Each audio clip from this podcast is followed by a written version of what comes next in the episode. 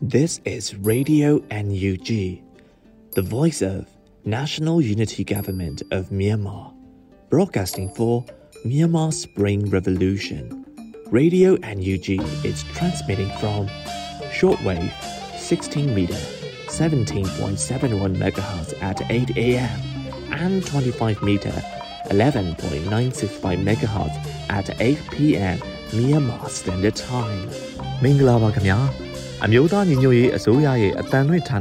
Radio NUG ကိုမနက်၈နာရီမှလိုင်းတို16မီတာ7.3 MHz ညပိုင်း၈နာရီမှလိုင်းတို25မီတာ17.665 MHz တို့မှာဓာတ်ရိုက်ဖမ်းယူနားဆင်နိုင်ပါပြီမင်္ဂလာအပေါင်းနဲ့ပြည့်စုံကြပါစေ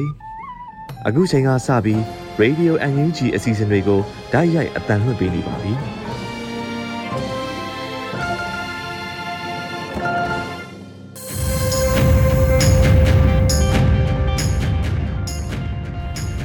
မြန်မာနိုင်ငံသူနိုင်ငံသားအပေါင်းတဘာဝပြီးဆရာနာရှင်ဘေးတို့ကနေကင်းဝေးပြီးကိုစိတ်နှပါစမ်းမလုံးခြုံပေးကင်းကြပါစေလို့ Radio UNG အဖွဲ့သားများကဆုတောင်းမေတ္တာပို့သလိုက်ရပါတယ်ရှင်။အခုချိန်ကစပြီး Radio UNG ရဲ့နောက်ဆုံးရသတင်းအချင်းများကိုຫນွေဦးမုံကတင်ဆက်ပေးပါမယ်ရှင်နောက်ဆုံးရသတင်းအချင်းများကိုတင်ဆက်ပေးမှာပဲဖြစ်ပါတယ်။နိုင်ငံရေးထင်ပေါ်လူမှုနဲ့ကျင့်ဝတ်မရှိတဲ့အမိကန်တော်လှန်ရေးအဖွဲ့အတူရောင်တွေကို 27 Revolution Force MGN People Defense Force ရေးစကြ MG6 ပျောက်ကြားတက် Phoenix အထူးပျောက်ကြားမဟာမိတ်တပ်ဖွဲ့တို့ကနွေမလ24ရက်နေ့မှာပြင်းထန်စွာနဲ့တတိပေးလိုက်ပါတယ်။အဲ့ဒီအမိကန်တော်လှန်ရေးအဖွဲ့တွေဟာရေဦးတော်လှန်ရေးမှာငွေကြေးအကျိုးအမြတ်ရလိုမှုနဲ့ဟန်ဆောင်ရက်တည်နေကြတာဖြစ်ပြီးနိုင်ငံရေးထင်ပေါ်လူမှုနဲ့အတူလူမှုမျက်နှာကိုမကြည့်တာကြောင့်ရှင်းလင်းသွားမယ်လို့လေပိုင်းဒေတာမှာတိုက်ပွဲဖော်နေတဲ့မဟာမိတ်အဖွဲ့တွေကအခုလိုသတိပေးလိုက်တာပဲဖြစ်ပါတယ်။ နိုင်ငံရေးထင်ပေါ်ဖို့ရဲ့ငွေကြေးအမြတ်ထုတ်ဖို့ရဲ့ဖွဲ့စည်းအမျိုးမျိုးတီထောင်နေကြတာသိရကြောင်းထိုတော်လှန်ရေးအဖွဲ့တွေဟာနီးလန်းမမှန်တဲ့ငွေကြေးရှာဖွေမှုတွေလည်းလှုံ့ဆော်လာတာတွေ့နေရတဲ့အတွက်အဲ့ဒီအဖွဲ့တွေကိုကန့်ကွက်ရှုံချပါတယ်လို့ဖော်ပြထားပါတယ်။ဆက်လက်ပြီးနီးမမှန်တဲ့ငွေကြေးရှာဖွေမှုတွေဆက်လုပ်နေမယ်ဆိုရင်အကြမ်းဖက်အာဏာသိမ်းအဖွဲ့နဲ့အတူတဒန်းနဲ့ထားပြီးတိုက်ခိုက်ရှင်းလင်းသွားမယ်လို့သတိပေးထားပါတယ်ရှင်။နွေမာလ25-26ရက်နေ့တွေမှာ ဖနွမ်းမင်းကအင်ရှင်အဖြစ်ဆောင်ရွက်ခြင်းပါမဲ့ထိပ်သီးအစည်းအဝေးကိုအာရှနဲ့ဥရောပရှိနိုင်ငံပေါင်း90မှကိုယ်စားလှယ်တွေပါဝင်တက်ရောက်ကြမှာဖြစ်ပါတယ်။ဒါပေမဲ့အာရှဥရောပ ASEM အစည်းအဝေးသဘာပတိကတော့အစည်းအဝေးကိုတက်ရောက်ဖို့အတွက်အာနာသိန်းစစ်ကောင်းဆောင်မင်းအောင်လှိုင်ကိုဖိတ်ကြားခြင်းမရှိဘူးလို့သိရပါတယ်။ကမ္ဘောဒီးယားနိုင်ငံဟာအခုပတ်ထဲ73ချိန်မြောက်အာရှဥရောပ ASEM ထိပ်သီးအစည်းအဝေးကိုအိမ်ရှင်အဖြစ်ဆောင်ရွက်ကျင်းပမှာဖြစ်ပါတယ်။ အဆိုပါနှစ်ရက်တာအစည်းအဝေးမှာ COVID-19 အလွန်ကာလလူမှုစီးပွားရေးဆိုင်ရာပြန်လည်နလန်ထူမှုနဲ့ဗပောင်းစုံပူးပေါင်းဆောင်ရွက်ရေးမှုကိုအားကောင်းစေရေးတို့မှာအာယုံစိုက်ဆွေးနွေးသွားကြမှာဖြစ်ပါတယ်။အာဆီယံထိပ်သီးများအစည်းအဝေးနဲ့နိုဝင်ဘာလ22ရက်နေ့ကကျင်းပတဲ့တရုတ်အာဆီယံအစည်းအဝေးမှာလည်းအာနာသိန်းစစ်ကောင်းဆောင်မင်းအောင်လှိုင်အနေနဲ့တက်ရောက်ခွင့်မရခဲ့ပါဘူး။မကြခင်မှာကျင်းပဖို့ရှိနေသေးတဲ့အာရှဥရောပအစည်းအဝေးမှာအာရှနဲ့ဥရောပရှိနိုင်ငံပေါင်း90မှကိုယ်စားလှယ်များပါဝင်တက်ရောက်ကြမှာဖြစ်ပြီး အဲ့ဒီအစည်းအဝေးမှာ COVID-19 အကျက်အတဲနဲ့ကမ္ဘာလုံးဆိုင်ရာကုန်သွယ်မှုစနစ်တို့နဲ့သက်ဆိုင်တဲ့ကိစ္စရပ်တွေကိုဆွေးနွေးသွားကြမှာဖြစ်ပြီးဥရောပကောင်စီဥက္ကဋ္ဌနဲ့အာဆီယံအတူရေးမှုချုပ်တို့လည်းပါဝင်တက်ရောက်ကြမှာဖြစ်တယ်လို့သိရပါတယ်ရှင်။တဝဲခရိုင်လောင်းလုံးမြို့နယ်ရေပြူကျေးရွာအုပ်စုဝန်တွင်းရွာရှိဒီမိုကရေစီအရေးတက်ကြွလှုပ်ရှားသူထင်ရှားသောလူငယ်ကောင်းဆောင်ကိုဟိန်တက်အိမ်ကိုစစ်ကောင်စီတပ်များကနိုဝင်ဘာလ23ရက်ညနေ9နာရီခန့်မှာလာရောက်ချိတ်ပိတ်သွားကြောင်းသိရပါတယ်။ ကိုဟိန်ထက်ဟာစစ်အာဏာမသိမ်းခင်ကတည်းကလူငယ်ရေးရာကိစ္စများမှာတက်ကြွလှုပ်ရှားသူတဦးဖြစ်ပြီးသူဟာမြန်မာနိုင်ငံလူငယ်ရေးရာကော်မတီတွဲဘက်အတွင်းရေးမှူးတဦးလည်းဖြစ်ပါတယ်။ကိုဟိန်းထက်တီထောင်ထားတဲ့ရေပြူကြီးရွာက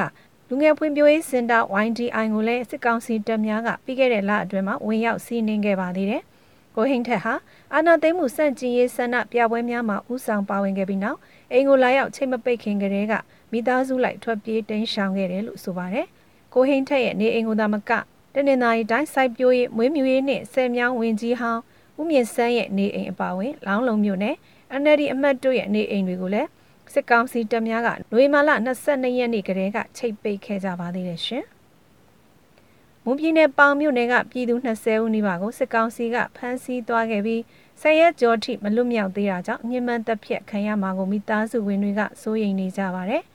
ကရုံစည်းရက်ကွက်အုပ်ချုပ်ရေးမှူးတနက်ပြစ်ခံရတဲ့ဖြစ်စဉ်အပါအဝင် NUG အစိုးရနဲ့ဒေသခံ PDF တပ်ဖွဲ့တွေကိုကူညီထောက်ပံ့နေတယ်လို့ဆွဆွဲချက်တွေနဲ့ဆန္ဒပြရမှာဥဆောင်ပါဝင်သူတွေကိုနိုဝင်ဘာလဒုတိယပတ်ကတည်းကစစ်ကောင်စီတပ်တွေကဖမ်းဆီးသွားတာပါအဲ့ဒီဖမ်းဆီးခံထားရတဲ့သူတွေဟာနိုဝင်ဘာလ24ရက်အထိတအူးမှပြန်လွတ်မြောက်လာခြင်းမရှိသေးပဲတထုံစီမသွဲထောင်မှာခြုံနှောင်ထားကစစ်ဆေးမှုတွေပြုလုပ်နေတယ်လို့သိရပါတယ်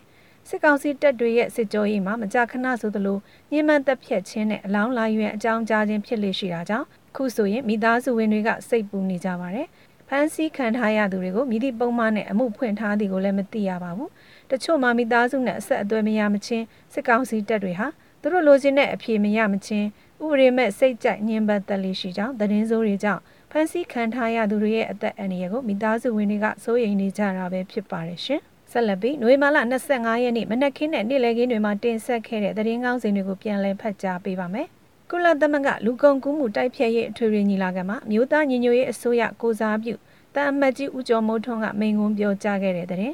။မြို့သားနဲ့လူထုလှုပ်ရှားမှုရက်တရပတ်ကမ်ပိန်းစတင်တော့မယ်တဲ့။ခရီးယန်ဖျားเจ้าမှာအခမဲ့ဆေးကူနေတဲ့ဆရာဝန်နဲ့သူနာပြုများကိုစစ်ကောင်စီတပ်ကဖမ်းဆီးခဲ့တဲ့တဲ့အ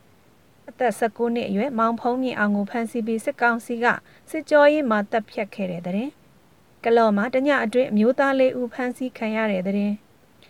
နမ်မတူမှာဖွင့်လှစ်ထားတဲ့စာသင်ကျောင်းတွေကကျောင်းသူကျောင်းသားစီမှာကိုဗစ်ပိုးတွေ့ရှိတဲ့တဲ့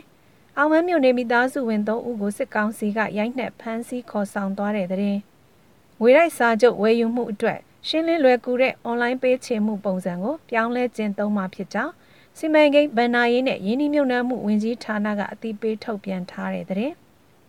ဆေးနဲ့ဆေးနီးနွယ်ကျောင်းသားတက်မကများအဖွဲ့ကတပိတ်မှောက်ကျောင်းသူကျောင်းသားတွေရဲ့ပညာရေးကိုအာမခံသည့်ဂျာကာလပညာရေးမူဝါဒနဲ့အစီအမံများချမှတ်ပေးနိုင်ရေးနှင့်အနာဂတ်ပညာရေးစနစ်မှာတက္ကသိုလ်တွေရဲ့ကိုယ်တိုင်စီမံအုပ်ချုပ်ပိုင်ခွင့်ကိုအပြည့်အဝအာမခံပေးရေးမြို့သားညီညွတ်ရေးအစိုးရကိုတောင်းဆိုတဲ့တဲ့။နိုဝင်ဘာ26တွင် ကျင်းစန်းကြော်မှာပိတ်မိနေတဲ့မြမကုံတင်ရင်150ခန့်ကိုခါလီဖြင့်စတင်ဝင်ရောက်ခွင့်ရမည်ဖြစ်ပြီး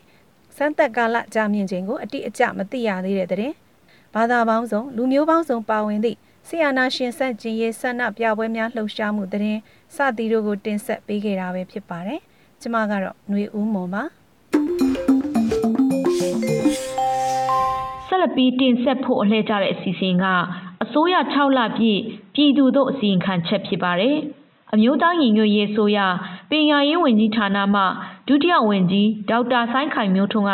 တင်ပြထားပါတယ်ရှင်။2021ခုနှစ်ဧပြီလ16ရက်နေ့ကစပြီးအောက်တိုဘာလ15ရက်နေ့အထိ6လကာလအတွင်းမှာ NUG အစိုးရရဲ့ပညာရေးဝန်ကြီးဌာနအနေနဲ့ဆောင်ရွက်ဆောင်ရွက်ခဲ့မှုတွေပေါ့နော်အဲ့ထဲကနေပြီးတော့ပြည်သူလူထုကိုအဓိကထားအသိပေးခြင်းတဲ့အကြောင်းအရာလေးတွေကိုပြောကြားပေးပါရှင် ဟုတ်ကဲ့ကျေးဇူးပါဒီမေးခွန်းမေးတဲ့အတွက်ကြောင့်ပေါ့နော်ကျွန်တော်တို့ဝန်ကြီးဌာနအနေနဲ့ဟိုလုပ်ခဲ့တာတွေတော့အများကြီးပေါ့ဒါပေမဲ့အဲ့ဒီထဲကနေကျွန်တော်တို့အဲပို့ပြီးအရေးကြီးတယ်လို့ယူဆတဲ့အကြောင်းအရာတချို့ကျွန်တော်အဲဆွေးနွေးပေးမယ်ပေါ့နော်ဝန်ကြီးဌာနစပြီးတည်ထောင်တာနဲ့ကျွန်တော်တို့သက်ဆိုင်ရာပေါ့နော်သက်ဆိုင်ရာ stakeholder တွေနဲ့သက်ဆိုင်သူဆရာကျောင်းသားနောက်တခြားပညာရေးအဖွဲ့အစည်း စရှိတဲ့ဖြစ်နေကျွန်တော်စပြီးချိတ်ဆက်တဲ့ network ကိုတော့ဒီတည်ထောင်ရတာပေါ့နော်ဒါတနည်းအားဖြင့်ဒါ online ရေးပိုင်းလဲအရေးကြီးတဲ့အဲလှုပ်ဆောင်မှုပေါ့နော်အဲ့ဒီကနေတစ်ဆက်မှကျွန်တော်တို့ဘာတွေလုပ်ကြလဲဆိုရင်ကျောင်းကောင်စီတွေပေါ့တက်ကတူမှာဆိုတက်ကတူအဆင့်ကောင်စီတွေဖွဲ့ကြတယ်နော်အခြေခံမှာဆိုလဲမြို့နယ်ပညာရေးဒီဘုတ်ဖွဲ့တွေဖွဲ့ကြတယ်နော်အဲ့တော့အခုဆိုရင်မြို့နယ်ပညာရေးဘုတ်ဖွဲ့က300နီးပါးလောက်ရှိသွားပြီပေါ့နော်189ပေါ့ အဲတက်ကတူအစ်စ်မှာကြတော့ကောင်စီပေါင်း120ရှိသွားပြီပေါ့နော်ဆိုတော့ဒီကောင်စီတွေဒီဘုတ်ဖွဲ့တွေဖွဲ့ရချင်းအကြောင်းကပါလဲဆိုတော့ကျွန်တော်တို့တွားမဲ့နာကပြည်တော်စုကိုเนาะဒီလိုကြိုတင်ပြင်ဆင်တဲ့ပုံစံမျိုးပေါ့เนาะဟိုပညာရေးလွတ်လပ်ခွင့်တွေရလာအောင်ဟိုအရင်တော့ကလို့ဝင်ကြီးဌာနအနေနဲ့အရာရာအားလုံးကိုဘဝချုပ်ကင်ပြီးလုပ်နေတယ်ပညာရေးစနစ်မဖြစ်အောင်ပေါ့နော်မဖြစ်အောင်ဆိုတော့ဒီရွယ်ချက်လေးနဲ့လုပ်တာနော်ကျွန်တော်တို့ ဝင်ကြီးဌာနမှာဝင်ကြီး၃ယောက်စလုံးကနော်ဒီဟာပေါ်မှာရဟိုသဘောတူညီမှုရှိပြီးလှုပ်ဆောင်ကြတာပေါ့ဆိုတော့ဒါပထမဆုံးတစ်ပိုင်းပေါ့နော်နောက်တစ်ချက်ကပါလဲဆိုရင်ကျွန်တော်တို့ကကျောင်းတွေပိတ်ခဲ့တာကတော်တော်လေးကိုကြာပြီဗျဆိုတော့ဒီကျောင်းပိတ်တာကိုကျွန်တော်တို့ပြန်ပြီးတော့အဲပညာရေးကိုပုံစံတစ်ခုခုနဲ့ကျွန်တော်တို့ပြန်လည်ပတ်ဖို့လူမယ်လို့ကျွန်တော်တို့အာစဉ်းစားမိတယ်ပေါ့နော်စဉ်းစားမိတဲ့အလျောက်ခုနကကျွန်တော်တို့ဖွဲ့ထားတဲ့ကျွန်တော်တို့ရဲ့ သက်ဆိုင်သူနော်ကျောင်းသားဆရာအဖွဲ့တွေနော်ဘုတ်ဘုတ်တွေကောင်စီတွေနဲ့ကျွန်တော်တို့တွေ့ဆုံဆွေးနွေးရပညာကိုပညာရေးကိုဘယ်လိုပြန်ပြီးတော့စတင်ရမလဲပေါ့နော်အဲ့တော့ကျွန်တော်တို့အဲဆွေးနွေးပြီးတော့ထွက်လာတဲ့အရာတွေကတော့ပါလဲဆိုရင်တင်နန်းတချို့ပေါ့နော်တင်နန်းတချို့အကြောင်းပြီးတော့မှကလေးတချို့ကျွန်တော်တို့ကပြန်ပြီးတော့ပြန်ပြီးတော့သူတို့လေ့လာမှုတွေရလာအောင်ဆိုပြီးတော့အဲဘွဲတင်တန်းမဟုတ်တော့လည်းပဲ continuous learning တော့နော်ဟို အဲဆက်လက်ပြီးတင်ကြားမှုတွေရနိုင်အောင်ဆိုပြီးကျွန်တော်တို့ပြင်ခဲ့တာရှိပါတယ်เนาะအဲ့ဒီအဲ့ဒီအတွက်လည်းပဲကျွန်တော်တို့ပါလဲဆိုရင်နိုင်ငံတကာမှာရှိတဲ့ပညာရှင်တွေကိုလည်းကျွန်တော်တို့ချိတ်ဆက်ပါတယ်เนาะအဲ့တော့ short course လို့ဟာမျိုးတွေတင်ကြားတာရှိတယ်။နောက် public lecture တွေပေါ့နော်။တောက်လျှောက်ပါပဲ။အခုဒီလဲကျွန်တော်တို့ဒါတွေလုပ်။ဥပမာပို့ချတဲ့နိုင်ငံတွေ Australia တို့ American တို့ကနေဒါတို့ နောက်တခြားသောနိုင်ငံတွေပေါ့နော်ဒီတောင်ကိုရီးယားဂျပန်ကစပါပါကြပါတယ်နော်ဟို short course တွေမှာဆိုဆိုတော့ကျွန်တော်တို့အကြောင်းသားတွေအနေနဲ့ပြည်အဲနိုင်ငံတကာပညာရေးနဲ့လည်းပူပြီးထိတွေ့ခွင့်ရတာနောက်တစ်ချက်ကကျွန်တော်တို့ရဲ့ပညာရေးကတော်လန်ရေးကိုလည်းပဲထိခိုက်မှုမရှိစေလို့ဆောင်မှုဖြစ်ဖို့လဲလိုရဆိုတော့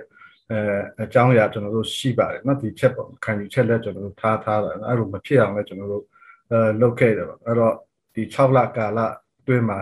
တင်ကြားရေးလုပ်နောက်တိတ်မကြခင်မှာကျွန်တော်တို့အဲတနိုင်ငံလုံးတိုင်းတာနဲ့နော်တင်နန်းတွေအတန်းတွေပေါ့နော်နောက်အဝေးတင်ကအဝေးတင်ကျောင်းသားတွေကစပြန်ပြီးတင်ကြားခွင့်တွေရလာအောင်ကျွန်တော်ပြင်ဆင်နေပါတယ်တော်တော်လေးအချိန်ကြီးပြီးနေပြီပေါ့နော်အဲဆိုတော့အဲဒီပိုင်းလေးတွေတော့အများကြီးလို့နောက်ပုံပြီးထူးခြားတဲ့တစ်ခုအနေနဲ့ကျွန်တော်ဝင်ကြီးဌာနတစ်ခုလုံးအနေနဲ့ဘာတစ်ခုရလဲဆိုတော့ကျွန်တော် Federal ပညာရေး မူဝါဒပေါ့အဲ့ဒါကိုကျွန်တော်တို့အဲ drafting လုပ်တာပေါ့နော် drafting လုပ်တဲ့အချိန်မှာဘာတွေပါလာလဲဆိုတော့ Federal ပြည်ထောင်စုကြီးရဲ့အစိတ်ပိုင်းဒီမှာနေထိုင်ကြတဲ့တိုင်းရင်းသားပညာရေးဖွဲ့စည်းတွေနဲ့ကျွန်တော်တို့ဆွေးနွေးနိုင်ခဲ့တယ်ပညာရှင်တွေပါတယ်ဆိုတော့ဒီဆွေးနွေးမှုကနေပြီးတော့မှကျွန်တော်တို့ Federal မူကျန်းလေးတစ်ခုပေါ့နော် draft လေးတစ်ခုကျွန်တော်တို့ထွက်လာပါပြီ ဒီ draft လေးကလည်းပဲကျွန်တော်အမြင်ရပြောရင်တမိုင်းမှာကျွန်တော်နော်ဝန်ထမ်းကျောင်းဆရာတက်တက်တူဆရာလုပ်တဲ့နှစ်20လောက်ရှိပါပြီမမဖတ်ဘူးခဲ့တဲ့မူဝါဒမျိုးတစ်ခုပေါ့မြန်မာသမိုင်းမှာနော်အင်မတန်မှကိုဟိုစိတ်အတွက်အားရဆရာကောင်းတဲ့မူဝါဒတစ်ခုကိုကျွန်တော်တို့ရလာတော့မယ်ပေါ့နော်ကျွန်တော်တို့အချောတက်လုပ်ငန်းစဉ်တချို့ပဲအဲကြံတော့မယ်ပေါ့နော်ဒါတွေကတော့လွန်ခဲ့တဲ့6လကာလမှာကျွန်တော်တို့လုပ်ခဲ့တဲ့ အရာတွေထဲက highlight လုပ်ပြတဲ့အရာတွေဖြစ်ပါတယ်ဟုတ်နောက်လာမဲ့6လအတွင်းမှာပေါ့နော်အဓိကထားပြီးဦးစားပေးလှုပ်ဆောင်သွားမယ့်အချက်တွေရောဘာတွေများဖြစ်မလဲဆိုတာကျေးဇူးပြုပြောပြပြပါရှင်ဟုတ်ကဲ့ကျွန်တော်တို့ကတော့နည်းနည်းခြေလန်းတလန်းပူပြီးဟိုဟာပေါ့နော်ရှေ့ရောက်နေတလားတော့မပြောတတ်ဘူးပေါ့နော်ကျွန်တော်တို့တော်လန်ရေးအောင်မြင်ပြီးဆိုတဲ့မြင်ကွင်းလေးကိုကျွန်တော်တို့ကအဲမြင်ပြီးတော့ပေါ့နော်အခုပညာရေးမှာခင်းကျင်းလေးတွေလုပ်နေတာ ခုနကကျွန်တော်ပြောခဲ့တဲ့အဲ Federal ပညာရေးမူဝါဒဆိုတဲ့ဟာကိုကျွန်တော်တို့ရလာပြီပေါ့နော်အဲ့ဒီရလာတဲ့မူမူအရကျွန်တော်တို့ပြန်လဲပြီးတော့ပညာရေးစောက်အုံကြီးတစ်ခုလုံးကိုကျွန်တော်တို့အဲ့မူနဲ့အညီပြန်လဲတိဆောက်ဖို့လောက်ကြတယ်ပေါ့နော်ဥပမာခါတိုင်းတော့ကတော့ဟိုမှာနော်ပညာရေးဝန်ကြီးဌာနတစ်ခုလုံးကတနိုင်ငံလုံးကိုလမ်းညွှန်မှုတွေပေးတဲ့မူဝါဒတွေချတယ်ဆိုတဲ့ဟာမျိုး ကိုကျွန်တော်တို့ကပြောင်းပြောင်းပြန်သဘောနည်းကိုလန်တော့မှာပေါ့နော်အဲ့တော့ကျွန်တော်တို့ရဲ့ပညာရေး structure က bottom up လို့ခေါ်တယ်နော်အောက်ခြေကနေတက်လာမဲ့နော်ဒီအပညာရေးဆောင်ရွက်မှုမျိုးတွေဖြစ်လာတော့မယ်ပေါ့ဥပမာအားဖြင့်ကျွန်တော်တို့အဲပြည်နယ်တွေမှာဆိုရင်လည်းသူကျောင်းအဆင့်ကျောင်းအဆင့်ကနေမြုပ်နယ်အဆင့်မြုပ်နယ်အဆင့်ကနေပြည်နယ်အဆင့်အစားအစာအဆင့်အဆင့်ကိုယ်စားလှယ်တွေပညာရှင်တွေသက်ဆိုင်ရာတိုင်းသား အဖွဲ့တွေနဲ့သူပါလာကြတော့မယ်ပေါ့နော်ဒီလိုမျိုးအနေထားနေတာအဲ့ဒီကနေတစ်ဆင့်မှာကျွန်တော်တို့အဲ Federal အဆင့်ပညာရေးဌာနဆိုတာရှိရှိမှာပေါ့နော်အခုဆိုရင်ကျွန်တော်တို့ဒီအစင်းမြင့်ပညာရေးအနေနဲ့ဆိုရင်အစင်းမြင့်ပညာကော်မတီကိုအဲ့ဒီလမ်းကြောင်းနဲ့ညီညွတ်တဲ့ပုံစံမျိုးကျွန်တော်တို့တိဆောက်ဖို့ကြိုးစားနေပါနောက်တစ်ပိုင်းကတော့ပါလဲဆိုရင်အခုနောက်ဒီ လွတ်မြောက်နေမည်လို့เนาะနောက်တစ်ခုဒီ IPP camp လိုနေရာမျိုးတွေပညာရေးမရောက်ရှိတဲ့နေရာဒေသတွေမှာပညာရေးတွေရောက်ရှိတော့အောင်ကျွန်တော်တို့အဲပြင်ဆင်တယ်ပေါ့နော်ဒီပြင်ဆင်မှုကိုကျွန်တော်တို့အဲတက်ဆိုင်ရာ ခုနပြောတဲ့ကျွန်တော်တို့ကောင်စီတွေပုတ်အဖွဲ့တွေနဲ့အဲပူပေါင်းပြီးလုပ်နေတယ်လို့တစ်ဖက်ကလည်းပဲကျွန်တော်တို့ဒီအုပ်ချုပ်ရေးပိုင်းပေါ့နော်မြို့နယ်အဲမြို့နယ်ပြည်သူအုပ်ချုပ်ရေးဖွဲ့တွေနဲ့ပညာရေးကဏ္ဍကနော် ပူပေါင်းနိုင်အောင်ကျွန်တော်တို့စုအဲလုပ်နေတာလေးတွေရှိပါတယ်ဆိုတော့ဒါကကျွန်တော်တို့ကြိုတင်ပြင်ဆင်တဲ့ပိုင်းနောက်တစ်ချက်မှာကြတော့ကျွန်တော်တို့အစင်းမြင့်ပညာကတော့เนาะကျွန်တော်တို့စစ်ခေတ်ဆက်ဆက်ကအာငါတော်တော်လေးကိုချုပ်ပြီးမှုတွေအောက်ပြီးလာတာပေါ့အဲ့ဒီဟာကိုကျွန်တော်တို့ပြန်ပြီးတော့အာဖြည့်ဖို့အတွက်ဆိုတဲ့အတွက်ကြောင့်တက္ကသိုလ်ကောင်စီတွေကိုပေါ့เนาะဒီအဲသူတို့ရဲ့ဒီ governance ပုံ governance ပေါ့เนาะဒီ governance ကိုဟိုအားဖြည့်တဲ့အဲเนาะဒီ လုပ်ငန်းစဉ်တွေကျွန်တော်တို့လုပ်ပါမယ်လုပ်တဲ့အချိန်မှာလည်းကျွန်တော်တို့ရဲ့တည်တဲ့အတိနည်းနည်းလေးနဲ့ကျွန်တော်တို့လုပ်တာမျိုးမဟုတ်ပဲနဲ့နိုင်ငံတကာကအတိအမြင်တွေကိုနဲ့ live ဖက်မဲ့ပုံစံလေးတွေဖြစ်အောင်ကျွန်တော်တို့စူးစမ်းပြီးတိဆောက်ကြမှာပေါ့နော်ကောင်စီပေါင်း900ကျော်ရှိတဲ့ပုတ်အဖွဲ့ပေါင်းကလည်းအများကြီးပေါ့နော်ဆိုကျွန်တော်တို့နိုင်ငံတစ်ခုတိဆောက်ရင်နော်အုပ်ချုပ်မှုသဘောတရားတွေလို့ပေါ့လို့ပညာရေးဝန်ဆောင်မှုလုပ်ငန်းတွေလုပ်တဲ့ချိန်မှာလည်းပညာရေးနဲ့ဆိုင်တဲ့ governance ပေါ့နော် administration ဆိုင်ရာကိစ္စတွေအများကြီးရှိပါတယ်เนาะအဲ့တော့ကျွန်တော်တို့ထပ်တိုးလုပ်ရမှာကနိုင်ငံတကာချိတ်ဆက်မှုလည်းအများကြီးထပ်တိုးလုပ်ဖို့ရှိတယ်เนาะဒီဟာတွေလောက်ရချင်းရဲ့ရည်ရွယ်ချက်ကရှေ့မှာကျွန်တော်ပြောလို့ပညာရေးကိုကျွန်တော်တို့သဆင့်မြင့်ထပ်ပြီးတော့เนาะဟိုရှေ့ရှေ့လျှောက်လာမှာလုပ်ခဲ့တဲ့ဟာကိုနောက်ထပ်သဆင့်မြင့်နှစ်ဆင့်မြင့်ကျွန်တော်တို့လုပ်နေအောင်ကြိုးစားတာပေါ့အဲ့ဒါကိုလည်းပဲကျွန်တော်တို့အဲ သက်ဆိုင်ရာနော်သက်ဆိုင်ရာကျောင်းသားသမဂ္ဂတွေဆရာသမဂ္ဂတွေကလည်းပဲကျွန်တော်တို့ပြန်ဆွေးနွေးတာမျိုးရှိတယ်ပေါ့နော်အဓိကကမိဘပြည်သူတွေရဲ့စိုးရိမ်ချက်တွေကိုနော်သူတို့သားသမီးရဲ့ပညာရေးစိုးရိမ်ချက်တွေကိုမစိုးရိမ်ရအောင်ကျွန်တော်တို့ဘက်ကလည်းပဲနော်ဟိုပြည်သူစိုးရပေးရအနေနဲ့အဲဝင်ပညာရေးဝန်ဆောင်မှုတွေပေးနိုင်အောင်ပေါ့နော်အခြေခံအစင်းမြင့်နောက်တစ်ခုထူးခြားတာတော့နောက်ထူးခြားတယ်လို့တော့မဟုတ်ပါဘူးအရင်အရင်ပြည်သူစိုးရလက်ထက်မှာလည်းနော်ဒေါအောင်ဆန်းစုကြည်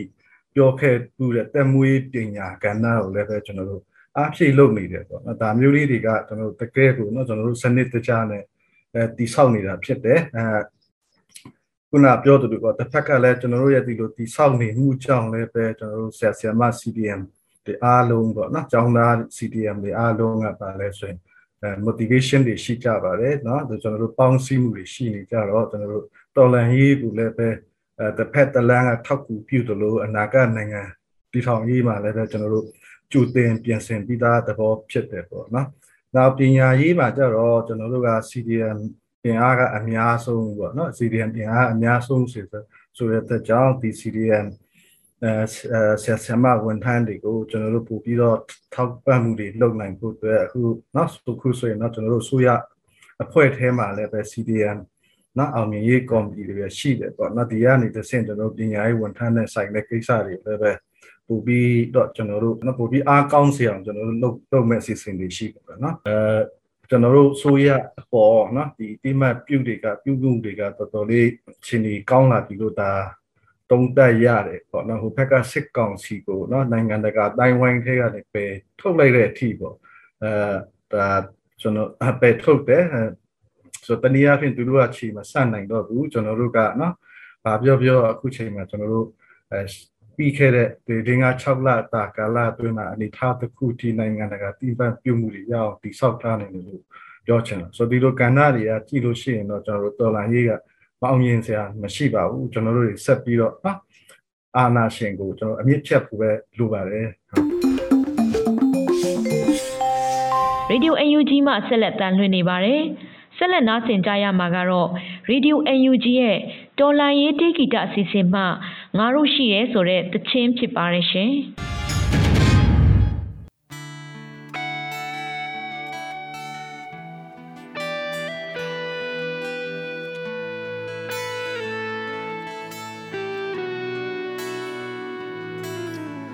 နေစဉ်တွေ့နေရ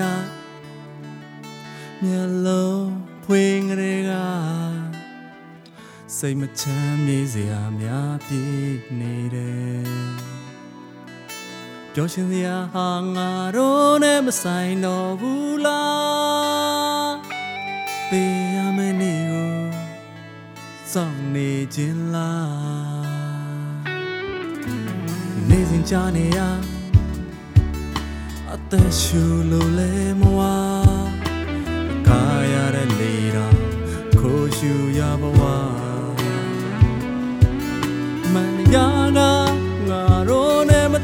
တန်ဘူးလားဆောင်မျောရင်းနဲ့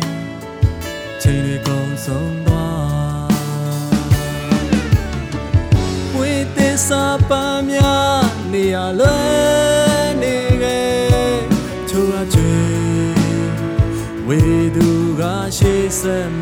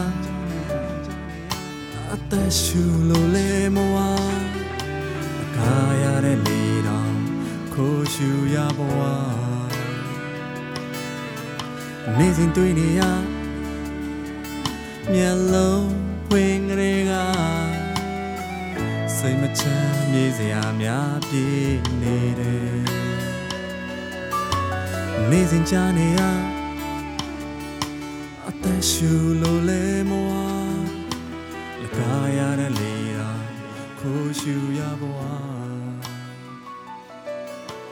နေစဉ်တွေ့နေရ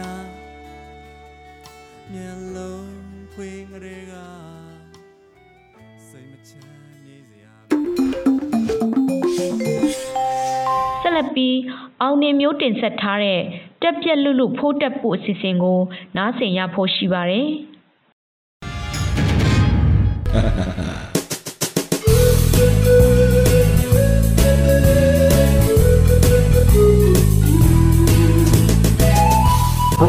တက်ဘူးကဘုံကုန်းယောဂရနေပြီ။ဘောင်ဝင်တန်းဝင် Richard Stanley လာတာနဲ့ပဲဒန်ဒီကိုပြပြတလဲနေရင်ပေါ်ကိုတင်ပေးလိုက်တာလေ။လုံပုံကအကယ်ဆန်းကပဲတောင်းပန်သလိုလိုတစ်ခုခုပဲပေးလို့မို့ဆိုသလိုလိုနဲ့တင်ပေးလိုက်ရတယ်ပေါ့။ဘယ်ဖီအမဂင်းမဆိုင်ဘူးဆိုရဲ့ကြောက်ချီဘုံတက်မှုတယောက်က Richard Stanley လာတာတော့မှကြောက်ချီပါကု န်ပြီ။ Black Panther လာမယ်ဆိုလို့ရှင်တော့စစ်ကောင်စီတစ်ခွဲလုံးတက်စီပြီးဖင်ကုန်းကြလို့ဖင်ပြောင်လမ်းကြီးကရန်ကုန်လေစိတ်ကနေ115မိုင်ထိတောင်ရှည်လေအောင်ပဲ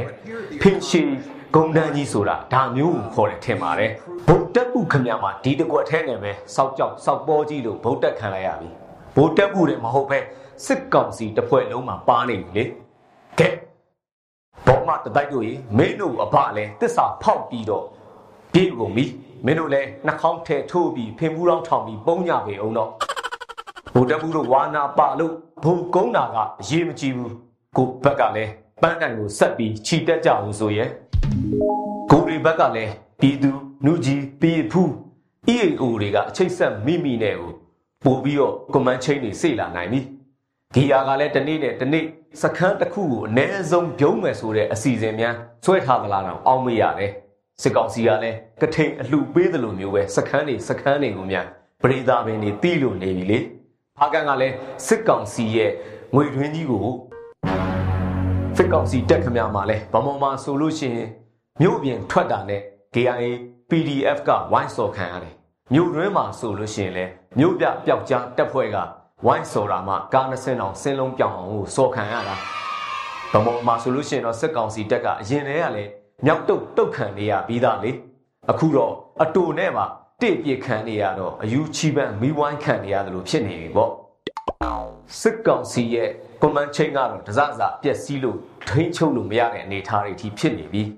မြောင်မှာဒလန်မကိုသွားပြီးတော့သတိပေးတဲ့မြောင် PDF ကလေးမတွေရဲ့တက်တီကတော့တကယ်လို့ပဲလေးစားစရာကောင်းပါတယ်လူရဲ့ဖြက်စီးလူသက်မရင်းကျင့်နေတဲ့စစ်ကောင်စီရဲ့အင်းဆက်တွေကိုဗျံလွားလေးတွေကထိုးတုတ် တက်ဖြတ်နေကြလေရဲ့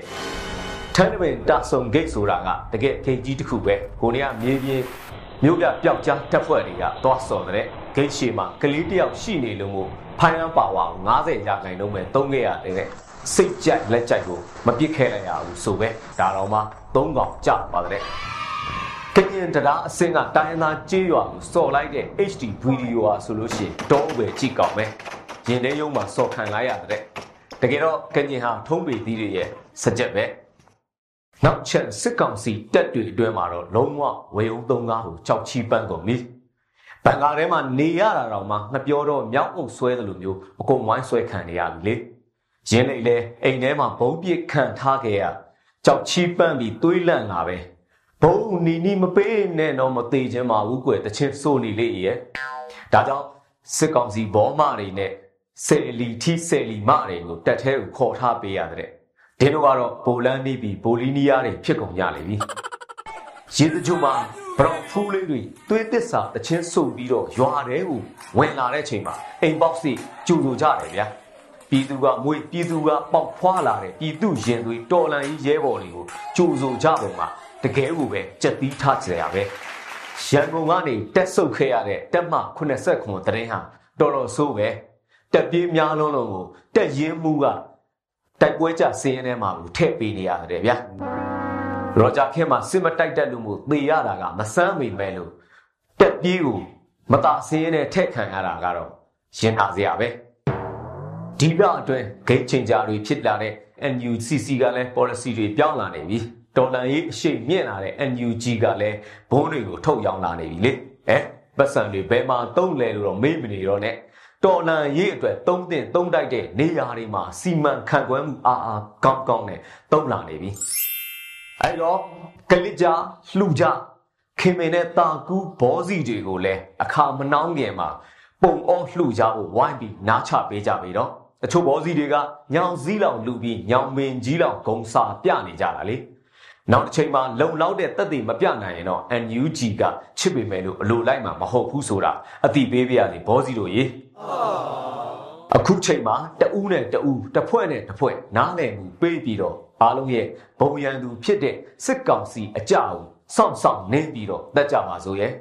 အချင်းချင်းနားလည်မှုလွဲနေရမယ်အချိန်လည်းမဟုတ်ပါဘူးဘုံတက်ပူလို့တတိုက်ကျိုးစင်တက်ရဖို့ရေးအတွက်တော်လန်ရေးရဲ့မူလဗုဒ္ဓရည်ရွယ်ချက်အောင်မြင်မှုကိုပဲအရေးတော်ပုံကြီးအောင်စိုက်ကြပါအဲ့တော့အရေးတော်ပုံကြီးအောင်မြင်နေပါပြီ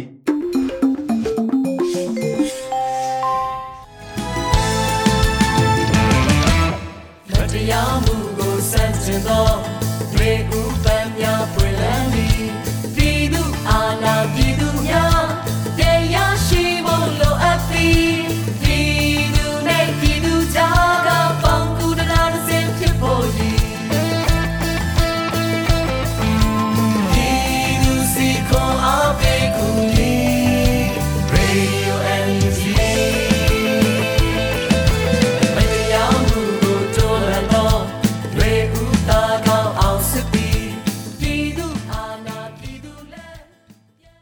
ဒီကနေ့တော့ဒီညနေပဲ Radio NUG ရဲ့အစီအစဉ်တွေကိုခਿੱတရနာလိုက်ပါမယ်မြန်မာစံတော်ချိန်မနေ့၈နာရီနဲ့ညနေ၈နာရီအချိန်တွေမှာပြန်လည်ဆုံတွေ့ကြပါစို့ Radio NUG ကိုမနေ့၈နာရီမှာလိုင်းဒို16မီတာ19.7 MHz ညပိုင်း၈နာရီမှာ လိုင်းဒို25မီတာ17.665 MHz တို့မှာဓာတ်ရိုက်ဖမ်းယူနာဆင်နိုင်ပါပြီမြန်မာနိုင်ငံသူနိုင်ငံသားများကိုယ်စိတ်နှဖျားချမ်းမာချမ်းသာလို့ဘေးကင်းလုံခြုံကြပါစေလို့ Radio NUG ဖွဲ့သူဖွဲ့သားများကဆုတောင်းလိုက်ရပါတယ်မြို့သားညီညွတ်ရေးအစိုးရရဲ့ဆက်သွယ်ရေးသတင်းအချက်အလက်နဲ့ဤပညာဝန်ကြီးဌာနက ထုတ်လွှင့်နေတဲ့ Radio NUG ဖြစ်ပါတယ်။ San Francisco Bay Area အခြေစိုက်မြန်မာမိသားစုများနဲ့နိုင်ငံတကာကစေတနာရှင်များလှူအားပေးများရဲ့ Radio NUG ဖြစ်ပါတယ်။အရှိတော်ပုံအောင်ရမည်